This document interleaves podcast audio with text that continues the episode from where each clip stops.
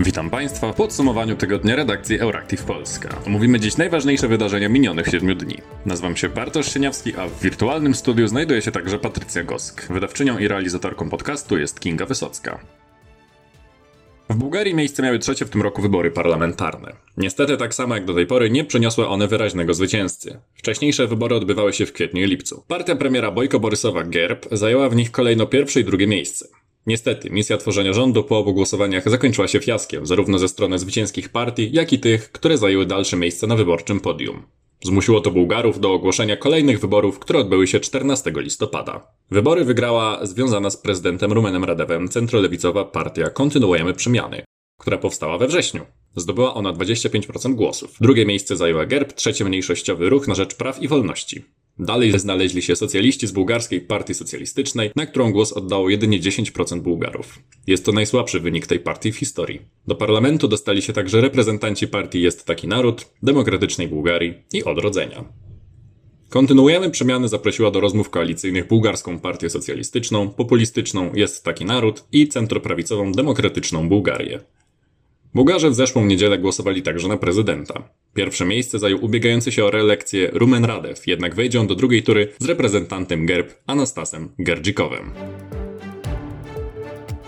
Największe frakcje Parlamentu Europejskiego domagają się wstrzymania akceptacji polskiego Krajowego Planu Odbudowy do momentu, w którym spełnione zostaną wszystkie warunki do wdrożenia instrumentu na rzecz odbudowy i zwiększenia odporności. Żądanie zostało przedstawione w liście do Ursuli von der Leyen. Pod dokumentem podpisali się przedstawiciele Europejskiej Partii Ludowej, Postępowego Sojuszu Socjalistów i Demokratów, Renew Europe, Zielonych oraz Konfederacyjnej Grupy Zjednoczonej Lewicy Europejskiej, Nordyckiej Zielonej Lewicy GUE-NGL. Rząd, który neguje prymat prawa Unii Europejskiej i narusza zasady praworządności, nie może być uznany za godnego zaufania wypełniania zobowiązań i obowiązków wynikających z naszych instrumentów prawnych, napisano w liście. Polskie sądy wszystkich instancji wykazały, że nie mogą zapewnić prawa do rzetelnego procesu sądowego poprzez niezawisły i bezstronny sąd ustanowiony ustawą, uznany także przez Trybunał Sprawiedliwości oraz Europejski Trybunał Praw Człowieka. Oznacza to, że ostateczne instancje kontrolne nie są zgodnie z prawem upoważnione do wykonywania swojej roli i zadań w zakresie niezbędnym do zatwierdzenia Krajowego Planu Odbudowy. Czytamy w dokumencie. 25% światowej ludności ma w swojej diecie owady. Unia Europejska dołączy do tego grona. Komisja Europejska dodała szarańczę wędrowną do listy żywności dopuszczonej do sprzedaży w krajach Unii. To nie jedyny owad zezwolony w europejskim menu. Choć owady są na europejskich stołach raczej egzotycznym dodatkiem, wcześniej w 2021 roku zezwolono na przykład na obrót larwami chrząszcza mącznika młynarka. Stały się one dzięki temu pierwszymi jadalnymi owadami na terenie Unii. Eksperci widzą w owadach alternatywę dla przemysłu żywieniowego, który odpowiedzialny jest za 1 trzecią globalnych emisji gazów cieplarnianych. Pełne białka owady mogłyby stać się ekologicznym zamiennikiem dla np. mięsa. Ponadto ONZ twierdzi, że popularyzacja konsumpcji owadów i przynajmniej częściowe rezygnowanie na ich rzecz z mięsa mogłaby przyczynić się znacząco do zmniejszenia problemu głodu na świecie. Wynika tak z opublikowanego w 2013 roku raportu FAO. Niespokojny tydzień na granicy z Białorusią. Białoruskie służby zapędziły migrantów z Bliskiego Wschodu, którzy od 8 listopada zmuszani byli do siłowych prób przekroczenia granicy z Polską, na przejście graniczne w Kuźnicy, gdzie zorganizowano prowizoryczny obóz przejściowy. Polskie siły graniczne i policja odpędzają migrantów armatkami wodnymi i gazem pieprzowym, choć ci, coraz bardziej zdesperowani, wciąż podejmują próby wejścia na teren Polski. Rozmawiałem z ministrem spraw zagranicznych Białorusi Ładzimirem Makiejem o niestabilnej sytuacji humanitarnej na granicy z Unią Europejską – Życie ludzi musi być chronione, a agencjom humanitarnym powinien zostać zapewniony do nich dostęp, napisał na Twitterze przewodniczący unijnej dyplomacji Josep Borrell. Strona białoruska zapewniła, że również zależy jej na jak najszybszym rozwiązaniu kryzysu migracyjnego. Moskwa zapewniła chęć pomocy. Tymczasem kanclerz Niemiec Angela Merkel odbyła dwie rozmowy telefoniczne z Aleksandrem Łukaszenką dotyczące sytuacji na granicy. Politycy zarówno w Unii Europejskiej, jak i reprezentujący białoruską opozycję silnie skrytykowali te działania, uznając je za legitymizujące Łukaszenkę. Przypomnijmy, że Unia Europejska nie uznaje Łukaszenki za legalnego prezydenta Białorusi, ponieważ zeszłoroczne wybory w tym kraju uznano za sfałszowane. Łukaszenka stosuje tę samą taktykę, którą stosował w 2014 i 2015 prezydent Turcji Recep Erdoğan. On chciał wymusić na Unii rozmowy oraz koncesje finansowe poprzez przepuszczanie syryjskich uchodźców do Grecji. Łukaszenka teraz chce zrobić podobnie. I już mu się udało zmusić do rozmów tyle, że nie Unię Europejską, ale jedno państwo członkowskie, powiedział europoseł Radosław Sikorski. Krótko mówiąc, Polska nie uzna żadnych ustaleń, które zostaną podjęte, jak to się mówi, ponad naszymi głowami, że jeżeli mają, ma dojść do jakichś ustaleń, które miałyby być dla Polski, dla polskich władz wiążące, czy które polskie władze miałyby w jakiś sposób wykonywać, to owszem, ale to będą ustalenia, które są podjęte wyłącznie przez nas.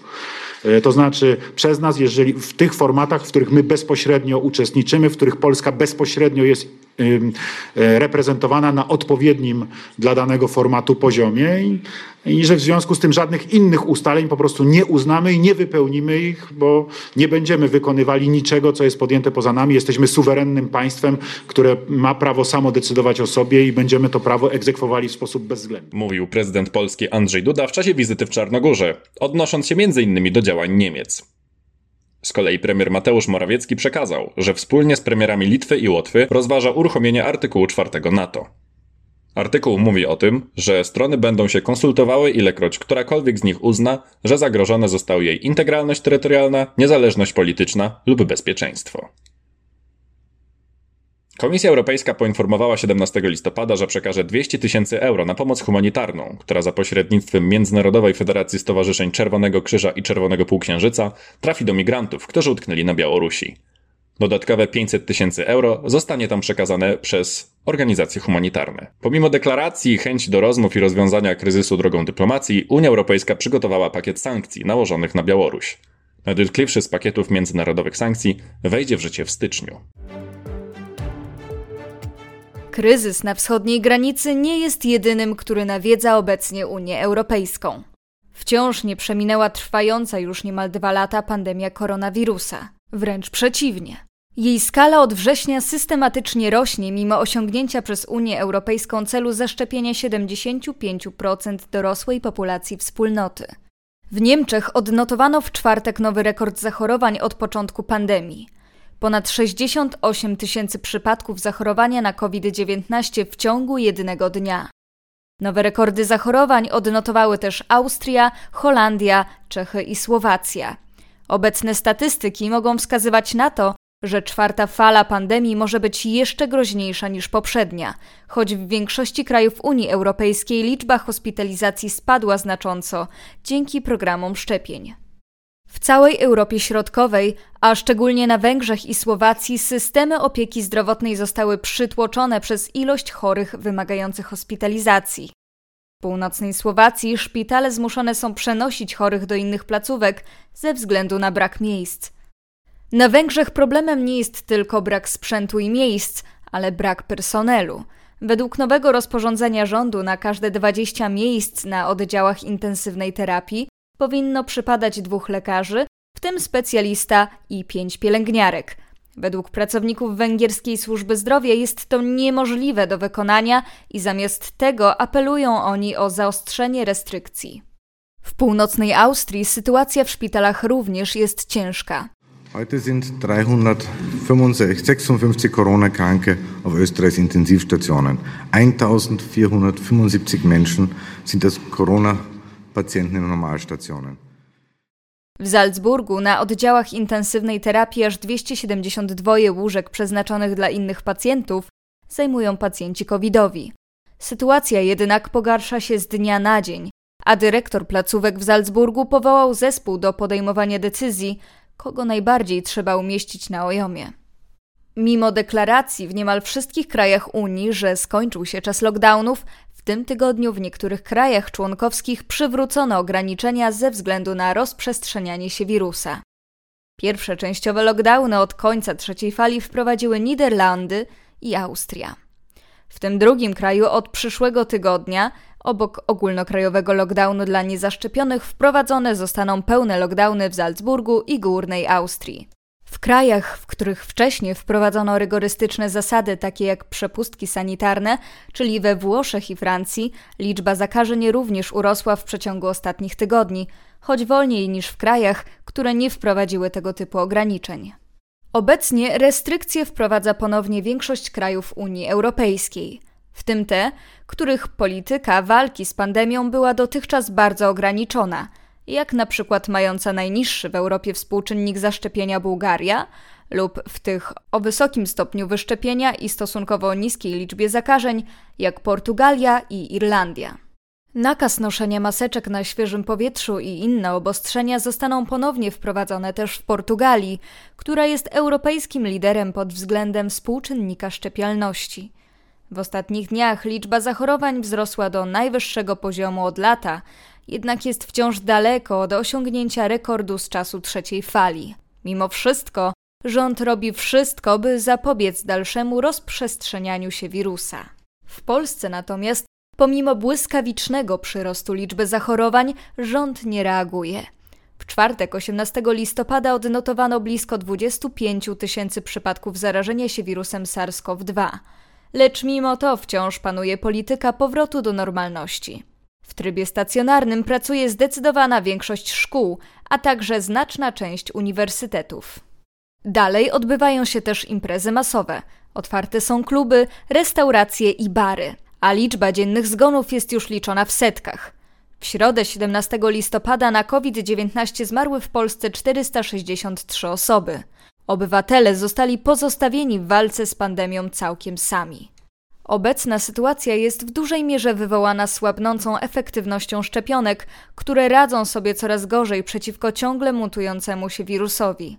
Z czasem spada również odporność osób zaszczepionych. Co gorsza, pojawiają się też nowe warianty koronawirusa, które rozprzestrzeniają się o wiele szybciej i są bardziej niebezpieczne od poprzednich.